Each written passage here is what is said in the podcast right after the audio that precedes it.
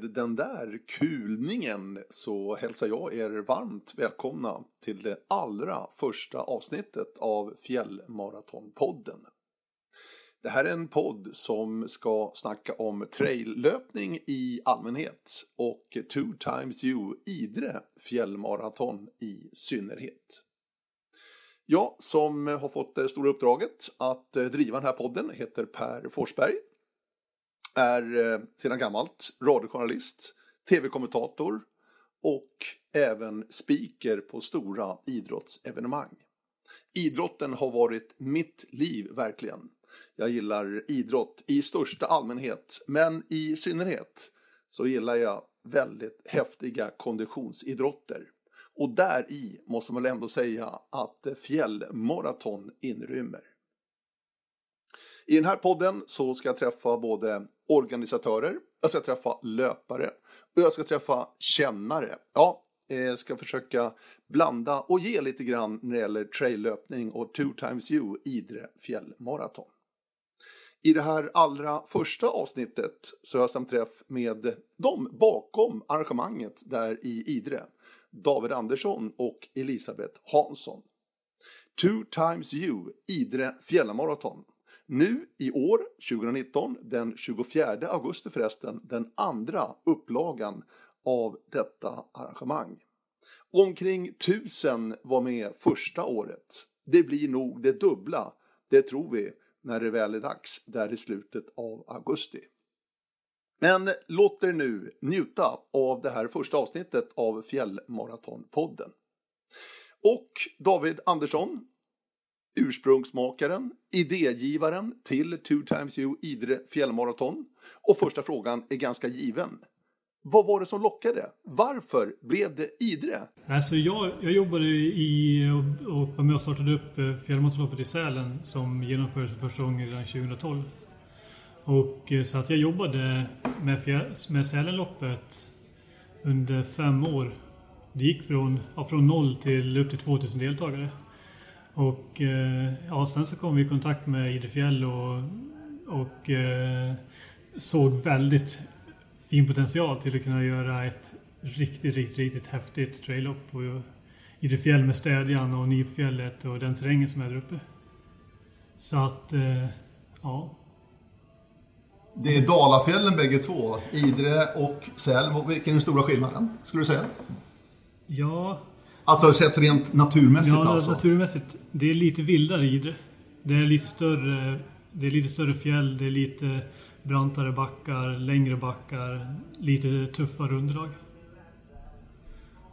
Mm. Mm. Det här är ett trailrunning-lopp. Mm. Elisabeth, vad är trailrunning? Om du ska för en oinvigd berätta, vad är trailrunning? Ja, det är väl det där att släppa släppa taget om vägen, eller elljusspåret, och ge sig ut på lite mindre stigar och springa. Ehm, ja, allt ifrån en kort runda bakom huset i skogen egentligen, till eh, ganska långa eh, ultralopp som man kallar det då, över långa distanser. Mm.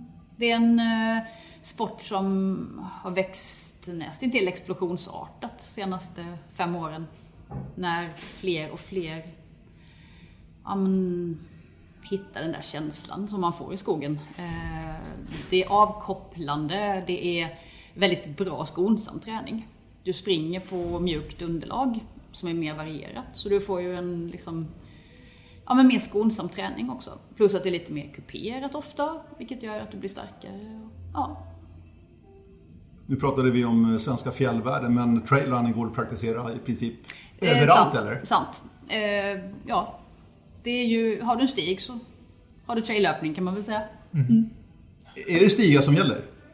Jag menar, trail är ju stig mm. egentligen. Ja, visst. Mm. Men det är också många lopp som uh, försöker också söka sig utanför stigarna och snitsla direkt rakt ut i terrängen. Och, ja, det uppskattas oftast bland löparna. Mm. I Idre så har vi ju ett inte obefintligt inslag av myrlöpning faktiskt. Ja, precis. En, uh, ja, eller kanske lite fjällspecifik uh, grej, men mm.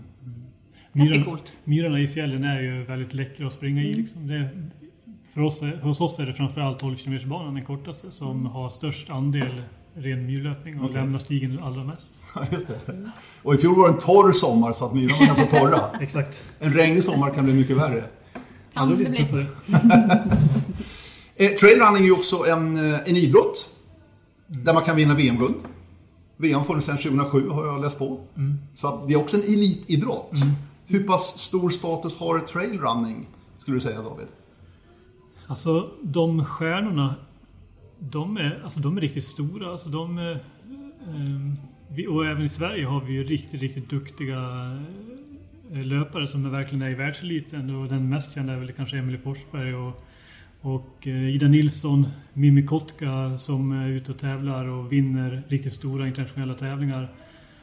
Ehm, och alltså, det är så att kanske, jag skulle säga 95, 96, 97 procent av traillöparna, de, de tävlar bara för att för upplevelsen och eh, att ta sig runt. Men eh, jag tycker ändå att vi försöker lyfta traillöpning även som en tävlingsidrott. Eh, Jag tänker Jonas Bud.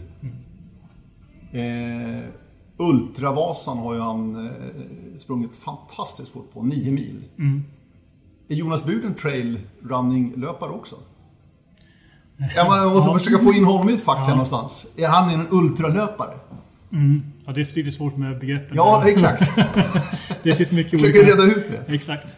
Ja, ja, nej men eh, vi får fråga Jonas, men jag tror att han skulle se sig som en traillöpare. Det Ja, tror jag definitivt. ja, Mm. Eh, Många av de här långa ultraloppen går ju i den typen av miljö liksom, och kanske det som skiljer trail från, alltså just specifikt för begreppet trail är just att det går på i skogsmiljö eller ja, skog, fjäll eller ute i naturen och eh, underlaget. Men det, ja, det var någon som sa för några år sedan som jag hörde att traillöpning är stigar, eller ja, stigar som det går snabbare att springa på än att cykla på. Aha. Kanske en vag definition men ändå någonting. Ja, just det. Ja. Sen har jag eh, Tove Alexandersson, den duktiga orienteraren. Eh, vann ju VM i skyrunning i höstas. Vad är skyrunning då? För att det är också en annan typ av, av lopp. Exakt. Ja, det är lopp som går på en viss höjd över havet. Det är 2000 meter David. Ja, okej. Ja. Ehm, det krävs också en viss stigning. Det finns alltså en skyrunning-serie eh, med ett antal deltävlingar då.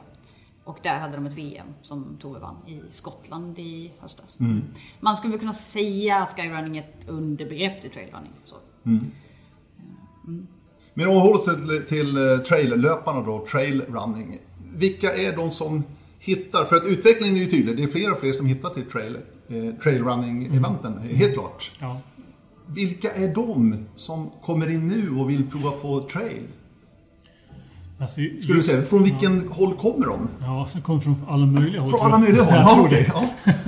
Nej, men jag tror att, att eh, många kanske har, har en bakgrund av att man har sprungit eh, lopp i stads, eller stadslopp, maratonlopp och, och den typen. Men som vi också vet, eh, de sliter mer på kroppen och med det monotona underlaget. Och sen, man kanske, många tror att kanske tröttnar på att bli jämförda med tider. Man ska jaga tider och kilometertider och grejer. Och, och trailöppning är mer prestigelös på de bitarna. Men sen tror jag att många kommer, som kanske inte har idrott alls särskilt mycket eller spelar fotboll eller lagidrott eller gått på gym eller sånt som hittar ut i skogen och vill springa trail idag. Mhm. Ja, det är intressant det där för att många har ju en, ett mål kanske och springa New York Marathon en gång eller Berlin Marathon eller liknande. Vad skulle du säga skillnaden Elisabeth mellan att springa ett maratonlopp och ett traillopp? Den stora skillnaden? Upplevelsen. Ja. Eh, vi gjorde faktiskt en undersökning. Eh, jag och David driver ju även Trailrunning Sweden, eh, webbsajten. Och vi gjorde nyligen en enkätundersökning där 96% av traillöparna svarar att de springer för att det är roligt och för upplevelsens skull.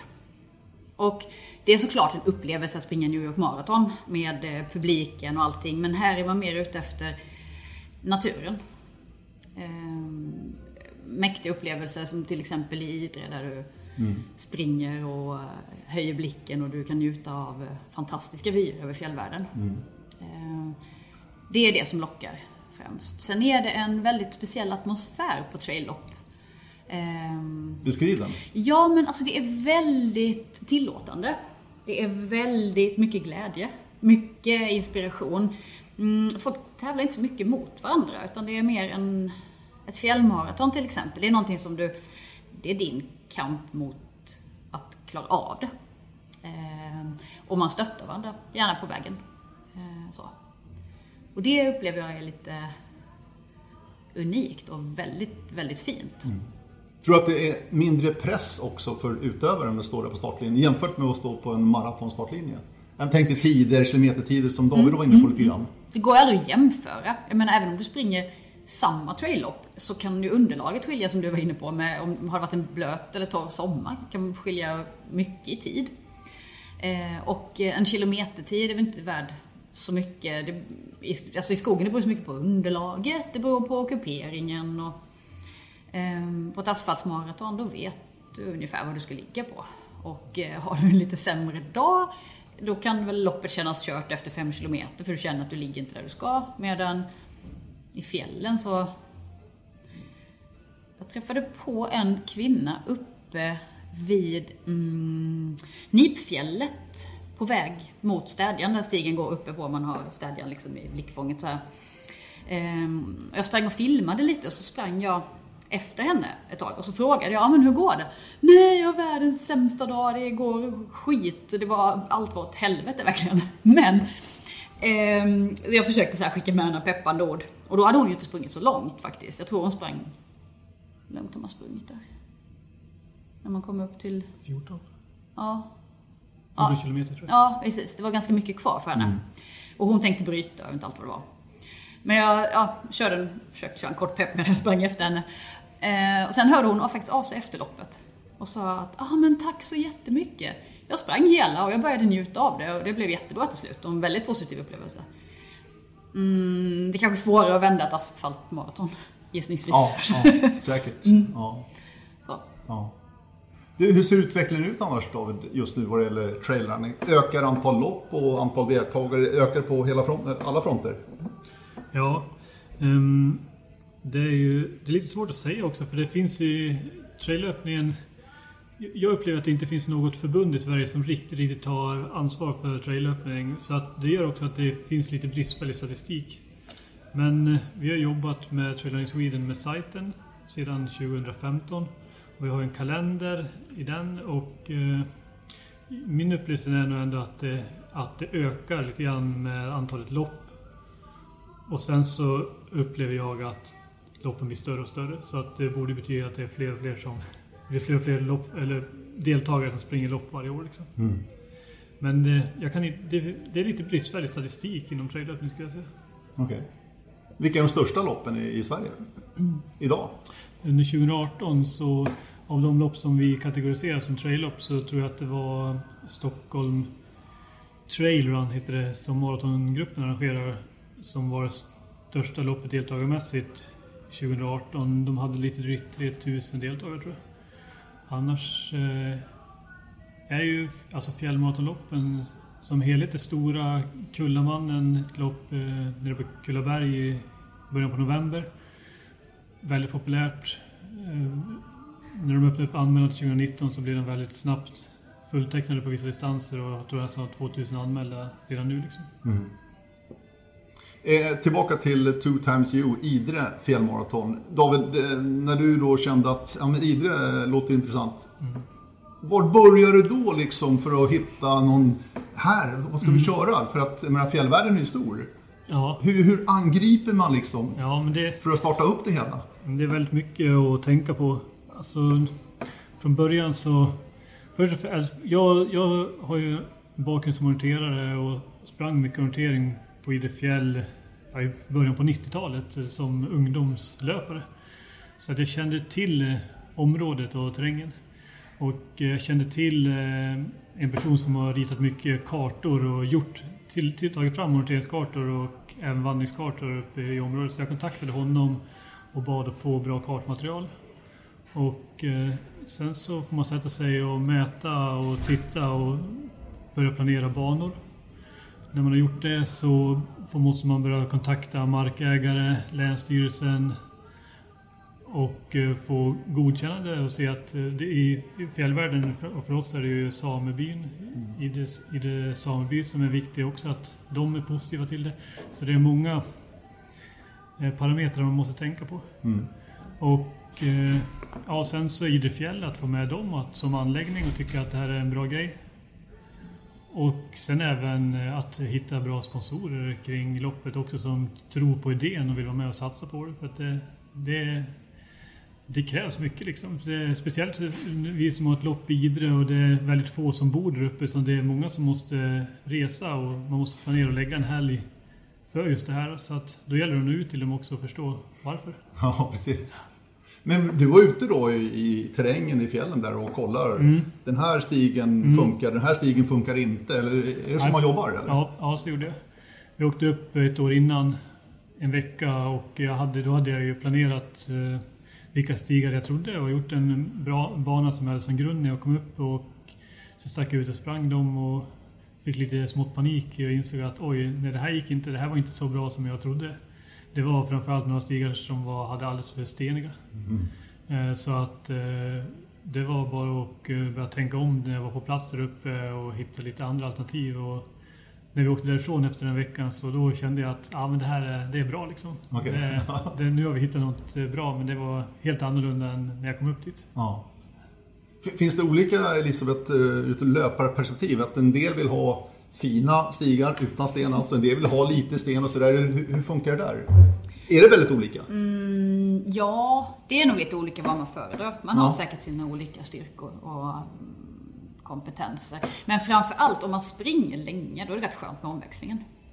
Att få eh, kanske springa på en mjuk myr som är tung men eh, relativt slät. Eh, kanske få komma ut på en liten större lite grusväg eller någonting, få länga på steget. Ehm, och sen så kanske du får jobba på i stenen. Eh, Ha tålamod där. Och inte bli frustrerad om du måste sakta ner. Eh, men du får ju liksom jobba med lite olika muskler. Det vilket kan vara skönt under ett så långt lopp också. Mm. Jag tänker också huvudet. Man måste, Exakt. för att koordinera- och sätta fötterna rätt, om det är lite stenigt och lite rötter och sådär som det är på vissa stigar ju. Det kräver också att man blir ganska trött i huvudet utav det. I Det längden. Absolut. För det här är ju långa lopp vi pratar om också. Absolut. Eh, Hector Haynes och Fredrik Backman som var ja, tvåa och etta på långa banan det, i ja. fjol. De tyckte ju båda två. De är ju väldigt duktiga orienterare båda. Eh, vana löpare. Eh, ja, springa långa traildistanser. Men eh, de tyckte ju att det var jobbigt mentalt. Mm. Att eh, vara så fokuserad på det ojämna underlaget under så pass lång tid. Mm. Så, eh, nej men det, det är lite utmaningar och det kanske man får förbereda sig för. Dels ska man helst ha lite starka brister, men man kanske också ska ta en omgång med sig själv i huvudet om det innan. Att eh, mm, vara förberedd och hålla sig eh, tålmodig. Mm. Eh, banorna då som ni erbjöd i fjol då, vad gäller Two Times Idre fjällmaraton. De är intakta i år också, så att det funkade tydligen. Ja. Inga ändringar än? Nej, vi har inte planerat några ändringar alls utan vi kommer köra rakt av på samma bana. Ja. Var, vi, hade, vi gjorde en deltagarenkät eh, direkt efter loppet och vi fick väldigt, väldigt bra betyg för banorna. Så att, eh, och eh, det händer inte så mycket i de där områdena. Det är na, naturreservat. Eh, Så att, ja. Det, ja, vi kör vidare. Just det. Och det är från 12 km upp till 45 va? Ja. Som den långa banan är. Ja, det var till och med dryga 45, nä- inte så långt från 46 km tror jag. Vi fick dra ut lite, några extra 100 meter i fjol för att få till en eh, energistation. Mm. Just det. Som gjorde att det blev några hundra meter längre än vad vi från början trodde. Du, om det nu sitter någon och lyssnar på det här och har inte sprungit någonting men eh, nu börjar de känna att det här låter ju spännande. Är det för sent att dra igång nu? Här, när vi är i april liksom. Loppet går i slutet på augusti. Nej, såklart inte. Nej, men det, det beror såklart på vilken distans. Som sagt, det är tre olika distanser. 12, 28 och 45. Men 12 är ganska överkomligt. Ja, för de allra, allra flesta så Ja. är ju 12 kilometer är väldigt överkomligt och eh, ja, det beror såklart på vad man ska ha för ambitionsnivå. Mm. Men eh, ja, jag tycker att vi har distanser som ska... De, jag skulle säga att de allra, allra flesta som vill testa, de, det finns en distans som eh, passar dem. Liksom. Mm. Men man kan ju börja lagom. Man behöver ju inte ta det värsta direkt. om man är nybörjare. Nej, så är det så är det. Men de här längre distanserna, det, det är ju sånt man kan sätta upp som ett mål framöver vad gäller träning verkligen. Och nu ska jag klara av 28 kilometer Mm. uppe på 2 times Zero Idre fjällmaraton i augusti. Det är sådana sköna mål man har framöver, eller framför sig. För träningen och hålla igång och ha någonting att se fram emot. Och det märkte vi från i fjol, ganska många som sprang 12 kilometer då. De har ju aviserat att de ska komma tillbaka för nu ska de upp på fjället på riktigt lite. För 12 de kommer inte riktigt upp på Städja Nipfjället utan de, de håller sig mer runt, eh, runt fjället, Vidrefjäll. Gränisålen. Precis. Så att eh, eh, kommer man, men springer man 28 eller 45 kilometer då kommer man verkligen upp i riktiga kalfjället och karga miljön. Jag tänkte vi ska komma in lite grann på och ge dem lite tips och råd av de som eh, tänker sig att komma upp till Idre i slutet på augusti. I slutet på augusti alltså. Eh, och nu i april är det nästan tusen anmälda. Ser ni redan nu att eh, vad det gäller anmälningsläget att det är fler som anmäler sig till 45 eller 28 och 12 och så vidare jämfört med fjol? Ja, det, det är... eh, Det är nog, det är nog ganska jämnt, eller samma fördelning skulle jag säga med distanserna.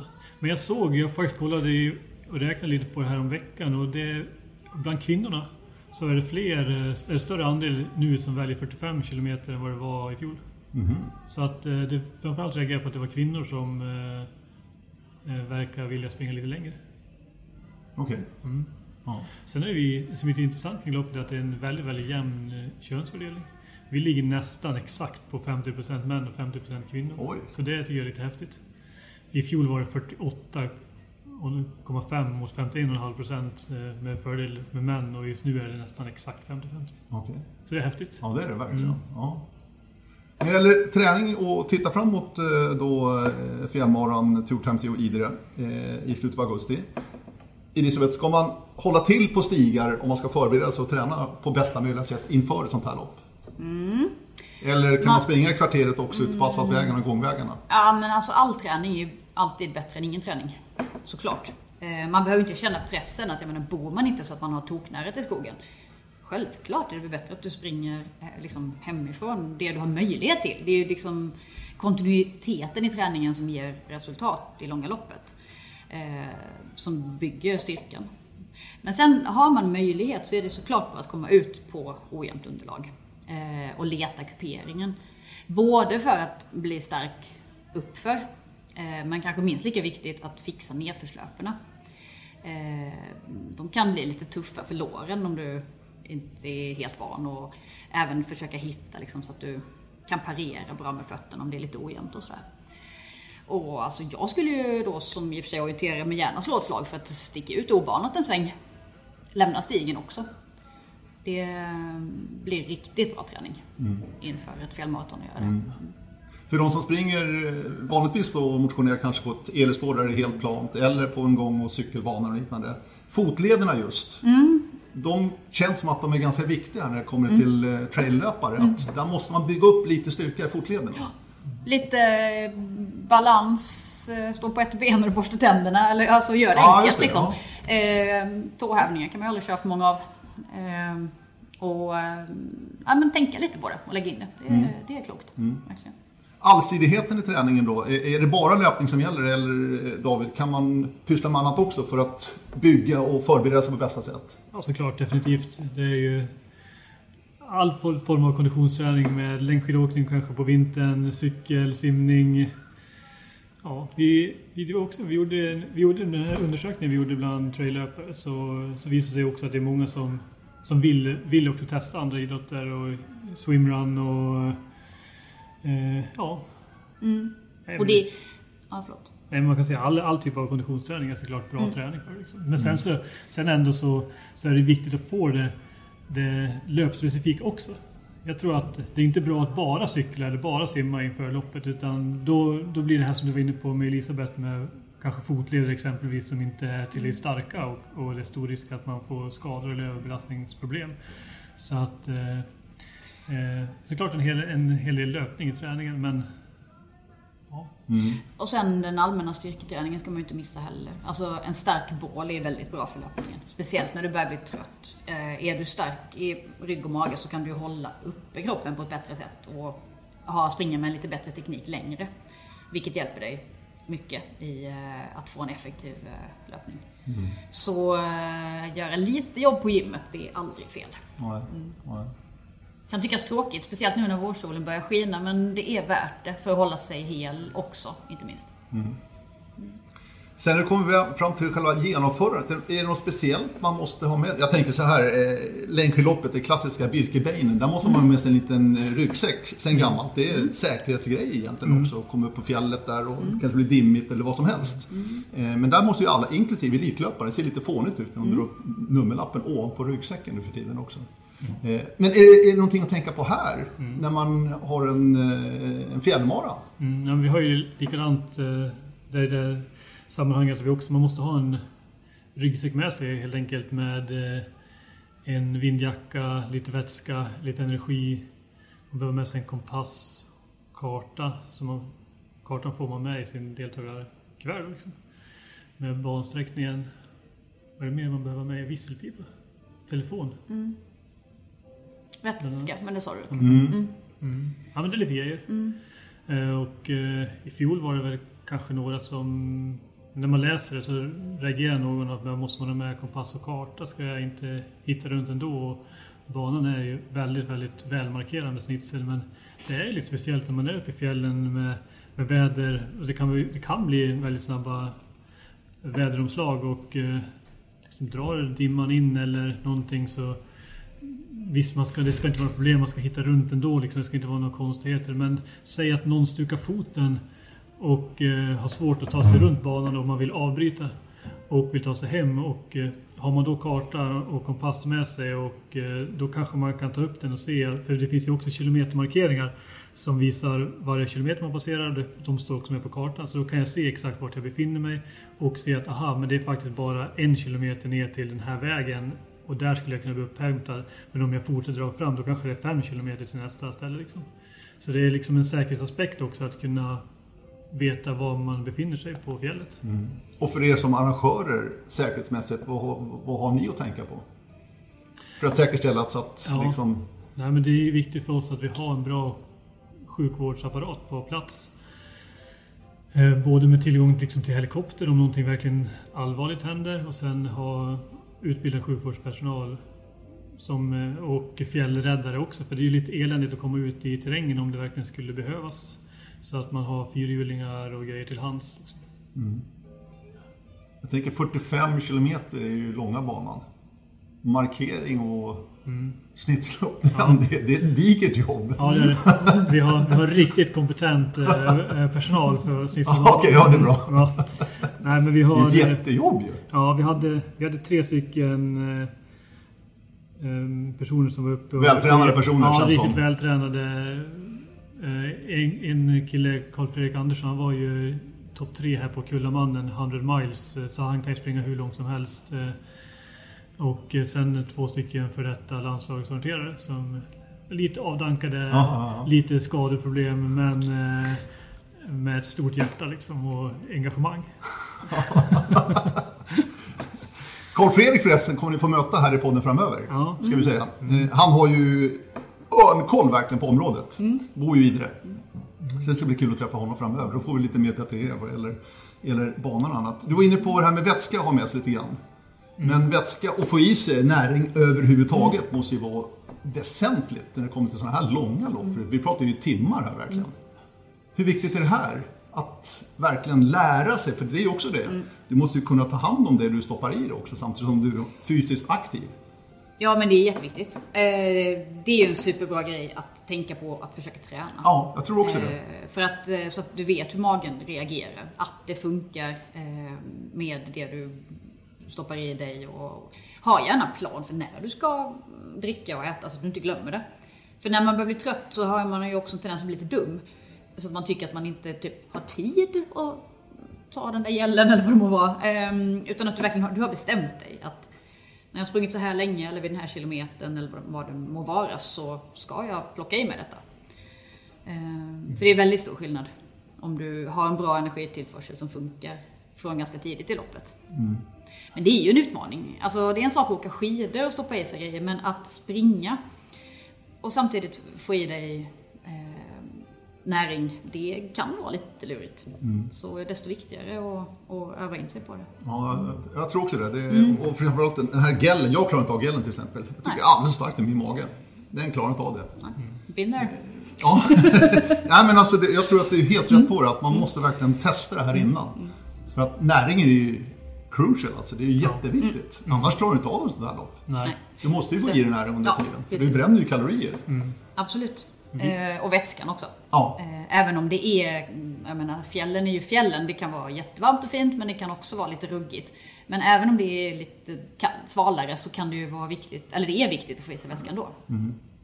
På tal om vätska, eh, vätskestationer har ni som arrangörer också? Ja, Ett absolut. antal. Ja, det finns fyra stycken energistationer längs med banan om man springer 45 då.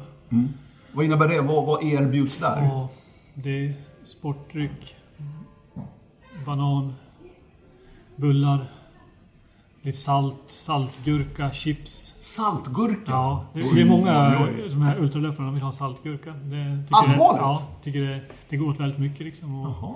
och eh, ja. Det låter lite suspekt. Ja. ja. Gärna lite kanske saltlakrits och sånt också. För det är ju viktigt när du springer så långt och så mycket att du behåller saltbalansen. Liksom.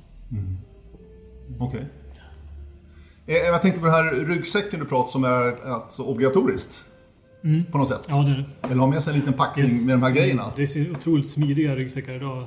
Jag tänkte just på det, för att det finns väl de som nästan slickar ryggen liksom. Exakt. Ja, jag tror de, du märker knappt av den när du har på dig. Liksom. Nej. De sitter jättebra på... Så har verkligen utvecklats mycket de sista åren. Jag tror bara tio år tillbaka så fanns det inte alls det här liksom. Men eh, nu har det verkligen hänt mycket och de flesta av de här löparna som är passionerade och springer mycket sådär, de har alla en sån ryggsäck. Mm. Men jag tänker för de som aldrig har gjort det här förut och aldrig sprungit, kanske samma som med eh, näring och vätska, att kanske bra att träna på det också. Ja, och, ja, och ta ja. på den här. Eller så köpa en bra ryggsäck som är slimmad. Nej men absolut. Eh, det är ju lätt att du kan få lite skav någonstans efter den så då är det väldigt bra att veta att jag behöver tejpa någonstans på ryggen eller över ett nyckelben eller vad det må vara så. Eh, och även, mm, nu väger de ju så lite och sitter så tight så att det påverkar ju inte löpsteget så mycket. Men det, är- det är ändå skönt. Alltså allting som man kan förbereda är ju bra att testa igenom. Det är ju samma sak med skor när du springer i. Ja, precis. Du- det är också intressant. Ja, att du har, det är ju nästan det allra viktigaste. Ehm, Vad är det för typ av skor man ska använda när det handlar om, av den här specifikt då uppe i Mm. Idre och 2 times you? Idre fjällmaraton. Ja, tror det beror lite på ni? vem man är som löpare. Ja, okej. eh, faktiskt. Eh, men det finns ju eh, de som föredrar en sko som är ganska uppbyggd, där du får mycket skydd för stenarna och får liksom en, ja, om du springer länge, att du har en mer ombonad miljö för foten om man säger så. Eh, medan eh, det finns också löpare som vill ha en lägre sko som, där du känner mer av terrängen. Eh, vi jobbar ju tillsammans med Hoka One One eh, i Tuktan i fjällmaraton. Eh, de har ju båda de här typerna av skor, absolut. Sen är ju greppet väldigt viktigt såklart. Jag tänker, vi har pratat om Det- Mm. orienterare här. De har ju specifika skor med sina dobbar under. Är det någonting också att titta på kanske, när det gäller just specifikt Idre? Eh, det är ju, eftersom det är så pass mycket, jag menar det är sten och rötter och är det lite blött, så fuktigt, så blir det ju, kan det bli lite halt. Ehm, De är inte lika uppbyggda Sen- dock, orienteringsskorna. Alla orienteringsskor är ju ganska platta. Ja, exakt, det är det det, menar. är ju, Orientering ligger väl kanske i den typen av eh, segment att man helst vill ha ganska, ja men skor som känner av terrängen, Mm. som ligger nära terrängen. Men du springer ju sällan i så många timmar Mm. som orienterare som du gör på ett fjällmaraton. Eh, vilket ställer lite andra krav på skon då kanske. För vissa. Alltså det här är verkligen, det är så oerhört mycket tycke och smak, vilken fot du Väldigt har, individuellt. vilken typ av Absolut. löpare du är. För att, eh, ja, det ställer olika krav på styrkan i fötterna, på bristerna, på... Ja. Eh, Så det viktiga är väl att du så här, hittar det som funkar för dig och eh, tränar i skorna Ja, ordentligt innan. det känns sköna. Det finns en del löpare som springer hela 45 km loppen med såna här, i stort sett sandaler också. Jaha. Mm. Oj. Så det, Sandaler? Ja, Såna här, ja, verkligen barfotaskor, minimalistiska Ah. och... Ja, så det, är- alltså det, det är så väldigt många olika åsikter vad gäller skor tycker jag. Så det, det är svårt att rekommendera någonting utan jag tror man måste ehm, testa och, och känna efter vad som passar en själv. Liksom. Ja. Men man ska inte, om man, om man har problem kan- med sin kropp kanske, man känner att man har ont någonstans eller får skador, då tror jag verkligen man ska tänka till vad man har för skor. Jag tror det kan påverka mer än man tror. Mm. Du var inne på det lite när du rekade och hittade bansträckning uppe i Idre. Eh, Att det var väldigt stenigt bitvis. Är det stenigt överlag? Lite stenigt alltså nästan överallt liksom? Ja, men det är... För de som inte varit där förut. Ja, det är eh, en hel del sten eh, bitvis på stigarna. Speciellt om man springer 45 km varianten. Den 45 är riktigt tuff för den går ner två gånger i en rejäl eh, dal eller ravin kan man eller da- dal ska man säga mellan två fjäll. Mellan, och eh, eh, de stigarna ner där, det är, det är riktigt gamla stigar som har funnits flera hundra år tillbaka i tiden men som inte används eh, så mycket under, under många år nu. Och eh, de är steniga och väldigt tekniska och svåra att springa på. Eh, Men det är också, det är också en, en häftig grej och just utmaningen i det. Att, eh, och det är 45 km banan som är tuffa och där är underlaget riktigt tufft. Liksom. För 28 km banan har betydligt, eller betydligt, men det är, det är enklare. Det är finare stigar och mer lättlöpta. Det tycker jag det passar ganska bra med de två olika distanserna också. Ska man verkligen ha det värsta, ja, men då får man ta att det är tufft också. Precis. Och jag tänker också, vädret är också en faktor. Jag menar, regnar det så blir det också lite att ta hänsyn till när det gäller sten och det blir lite halare och slipprigare. Mm, absolut. Det är nog stor skillnad faktiskt. Jag tror det är en jättestor skillnad. Ja, både att det blir halare på stenarna och även tyngre i myrarna. Nu beställer inte vi regn. Nej, Nej. jag tycker inte vi jobbar så. Augusti brukar vara fint faktiskt. det. Väldigt fint. Några andra så här, tips och råd till att ge nya löpare som funderar på att åka tider i slutet på augusti? Som ni kommer på sådär. Att våga göra det. Ja. Om du känner för det. Ja, Om du tycker att det här är ett äventyr som gör att det kittlar lite i magen och bara "Hu, jo, det där vill jag göra. Gör det då. Du fixar det. Det är, eh, är gott om tid att ta sig runt banan. Eh, se till att ja, men liksom njut av både träningen och liksom jobbet, resan fram emot loppet och ha det som en skön eh, sån här utmaning. Eh, vi är ändå i den svenska fjällvärlden, om vi ändå den södra delen av den svenska fjällvärlden. Eh, många kanske skräms av, oj det blir väldigt backigt, det är jättejobbigt det här och de backarna hittar inte jag hemma hos mig. Är det någonting man ska avskräckas utav eller? Nej. Att det är backigt? Det, mm, nej. Eh, Det är inte extremt på något sätt? Eh, nej. Det är inte som Alperna, Det är inte. Alperna, Nej. exakt. Och sen är det ju... ehm, alltså det är klart att du kan hitta någon slags motlut hemma eh, och eh, träna i det. Och... Eh, alltså visst, man tar väl slut i benen en lite längre sugande backe, men ta din tid då. Och ehm, tänk rätt. Alltså, ehm, jag tror att uppförsbackar är ganska mycket en mental grej. Eh, gilla dem, älska dem, se fram emot dem. Istället för fasa för dem. Det där är ju lättare sagt än gjort. Det må det vara. Men, Jo men det men det går. Ja det går absolut. Jo då. Eh, när jag satsade på poängtering så eh, jobbade jag in ett mantra i min skalle. Som jag fortfarande har kvar. Så varje gång jag kommer till en uppförsbacke, då börjar jag rabbla för mig själv. Liksom att, eh, ja men jag är stark, jag gillar uppförsbackar och så. Så det går och det är lättprogrammerat. Det tar tre, fyra gånger på träning.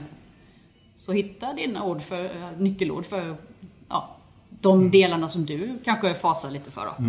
Om det är uppför eller nerför eller så. Sen är det ju så att eh, de allra flesta löparna de går ju upp för eh, de här längsta backarna. Så att eh, det är kanske många som tror att ja, men man ska ju springa upp för dem. Men verkligen majoriteten de promenerar. Och Det är bara de yttersta elitlöparna som är med i fältet som klarar av att springa upp för. Sen är det en, det är en vacker del av Sverige det här uppe, komma upp till Idre och Grövelsjön ligger strax norr om. Och varför inte åka upp dagen innan och stanna till vid Njupeskär till exempel, Sveriges högsta vattenfall som ligger i Särna, utanför Särna precis. Det är ju grymt fint. Mm, mycket bra. Det finns mycket fint att titta på. Och gillar man fiske så är det fantastiskt fina trakter. Absolut. Eh, så att, eh, det, det är en jätte, jättefin del av Sverige. Så det tycker man också ska säga. Absolut. Och vi har ju faktiskt eh, ett eh, lopp för barn på fredag kvällen. Mm, där eh, Renen Aske tar tag i uppvärmningen och kör ett fjällmaraton med, med barnen. Och eh, det finns väldigt mycket på Idefjäll som anläggning också om man vill plocka med familjen. Också. Mm. Jag tänkte säga det för att eh, det är ju en viktig del här också, Idefjäll, mm. där ni är med arrangemanget, mm. alltså stiftelsen som ju driver framförallt då på vintern, men sommaren mm. växer ju enormt. Mm. Inte bara Idre utan alla svenska fjällanläggningar växer ju mm. enormt på sommaren. Vad beror det på tror du David? Ja, men jag tror att det är väl trenden i samhället alltså just nu att det är populärt att vara ute i naturen och röra sig och vara aktiv. Mm. Och även eh, just kanske att eh, man, många väljer att undvika att flyga och resa långt så att det gör också att de svenska fjällen får mer turister. Mm. Firefjäll är väl det är en bra anledning att vara för er också med det här arrangemanget? Kan jag tänka ja, mig. Det, det är fantastiskt. Det är jättebra. Vi, sen vi startade upp det här så har vi fått, haft ett, fått ett jättebra samarbete med Idefjäll och riktigt, riktigt, riktigt positivt. Mm. De är jätteduktiga. Vad är den stora fördelen? Alltså, de, bo, de tävlande och de som kommer upp kan bo på stället, ja. har liksom allting nära. Mm. De har ju jag tror att de har uppemot 6-7 tusen bäddar på Idefjäll och som alltså bara ligger inom en och en halv kilometer från eh, vår arena. Målet ja. som är mitt inne på torget då, på mm. Idefjäll allt händer. Mm. Så att det är det är fantastiskt. Det är nog ska säga, rätt unikt. Mm. Vad, vad, känner ni nu? Nu är det i princip tusen anmälda. Vi är inne i april. Det var ungefär som ni hade i fjol då, första upplagan. Var det runt tusen mm. som sprang? Är det som ni hade förväntat er eller är det, är det mer positivt än ni hade tänkt er? Eller som väntat? Ja, det beror på när du frågar. Eller när... Jag frågar nu. ja, du frågar Men, eh, när innan vi, när vi startade upp det här, om, vi om man backar bandet två år tillbaka i tiden, då hade vi nog inte, vi hade, hade inte, inte varken jag eller Elisabeth vågat tro att det skulle vara eh, så här stort intresse för loppet. Men eh, det var tusen personer som anmälde sig i fjol och eh, vi såg till och verkligen gick in för att göra ett riktigt, riktigt bra evenemang och, och eh, hade fantastiskt nöjda deltagare efteråt. Så då, då förstod vi att ja, men det är klart det, det kommer liksom växa och bli större och bli fler och fler. Så att, så att eh, det ligger ungefär som vi har tänkt oss nu ändå. Mm.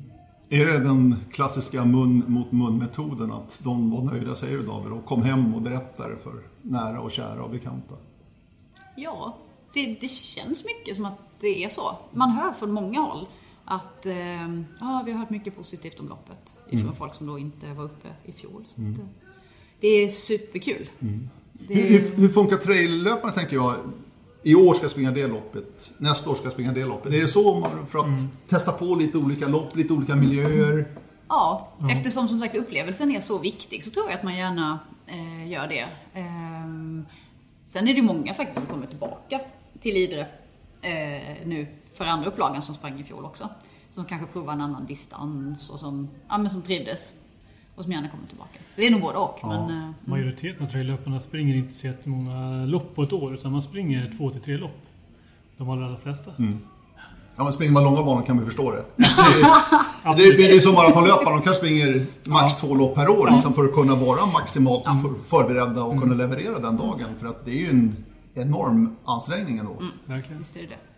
45 kilometer, vad vann de på i fjol? Vad hade de för tid? Eh, tre, lite drygt tre och en halv timme ja, hade Fredrik Backman ja, som verkligen är tror jag, en av Sveriges absolut bästa på den här typen av löpning. Ja. Tre och en halv timme, 45 mm. kilometer. Mm. Han var riktigt trött efteråt också. Mm. Mm. Ja. Men det är en tuff bana har du sagt? Ja, det är det. Är det den tuffaste vi har att erbjuda i Sverige nästan? Det är svårt att jämföra. Ja, det är jättesvårt att jämföra. Ja. Men bland trailloppen på den distansen så ja, det är nog en av de tuffare. Ja. Det är ju så här som jag nämnde, Kullamannen eh, har nog... Jag, sett, jag räknar lite på kilometertiderna och de har ungefär samma kilometertider som, eh, som vi har uppe på Kullaberg då, som är i Skåne. Mm. Men det är ju riktigt kuperat och branta backar upp och ner där. Inte lika långa backar men upp och ner hela tiden. Mm. Mm. Spännande. Two times you, Idre fjällmaraton alltså. 24 augusti yes. är det dags. Mm. Eh, ni har, jag tänkte avslutningsvis bara. Eh, vad gör er oslagbara? För det är ju ert mantra lite grann för Idre och den fjällmaran ni driver, David och Elisabeth. Mm. Nu ska ni få fundera lite grann här. Mm. Mm. Ska du börja David? Ja. Nej, vad, vad, säger du när jag säger, vad, vad gör dig oslagbar? Ja, Eller när känner du dig oslagbar? Ja. Ja, men när man känner att man verkligen har flow. Man, jag känner att jag har liksom kontroll och litar på mig själv och eh, har verkligen gjort eh, den förberedelsen som eh, jag ville göra när jag står på startlinjen. Mm. Så, alltså, ja. Jag tänker tillbaka på när jag sprungit mycket orientering i- tidigare och tävlat mycket och då, och då känner man, känner man vissa tillfällen att man stod och kände satan vad kul det ska bli att springa idag. Jag känner mig riktigt eh, laddad och på G och det här kan jag verkligen. Bra. Mm. Ja. Du backar tillbaka där lite till din aktiva karriär. Ja. Alltså. ja, jag förstår det. Ja. Elisabeth då? Ja, alltså min känsla av att vara oslagbar den har till och med en signaturmelodi. Signaturmelodi? Ja, det har. Niklas Strömstedt? Han har ju gjort en låt som heter Oslagbar. Ja, eh, My Way. Ah, Frank Sinatra. ja. Mm. Ehm, ja, lång historia. Men ehm, eh, generellt så är känslan, det är en balans mellan fysisk form och mental form. När man känner sig så här offensiv i skallen och bara fan är på hugget liksom. Ehm, ostoppbar. Och det kan hända i tävlingssammanhang, ehm, jobbsammanhang eller ja, så här. Det, men det där när man bara vet att mm, försök ni slå mig. Bli inte idag. Kan du ha den känslan på morgonen när du vaknar eller? Ja, det Ja, kan jag. ja, Absolut. mm. Den hänger ofta ihop med att jag befinner mig i en vacker miljö och att solen skiner också. Jag är lite så lätt påverkad eh, av vädergudarna. Men mm, Spännande. Hoppas ni också känner er oslagbara. Eh, David Andersson, Elisabeth Hansson, eh, stort tack. Första avsnittet alltså av eh, Fjällmaratonpodden. Vi ser fram emot eh, Two Times You Idre fjällmaraton 24 augusti alltså. Eh, jag heter Per Forsberg. Eh, jag kommer tillbaka hörni med ett nytt avsnitt när ni minst anar det kanske. Men håll utkik så kommer ett nytt avsnitt. Vi säger tack och hej för idag. Hej då!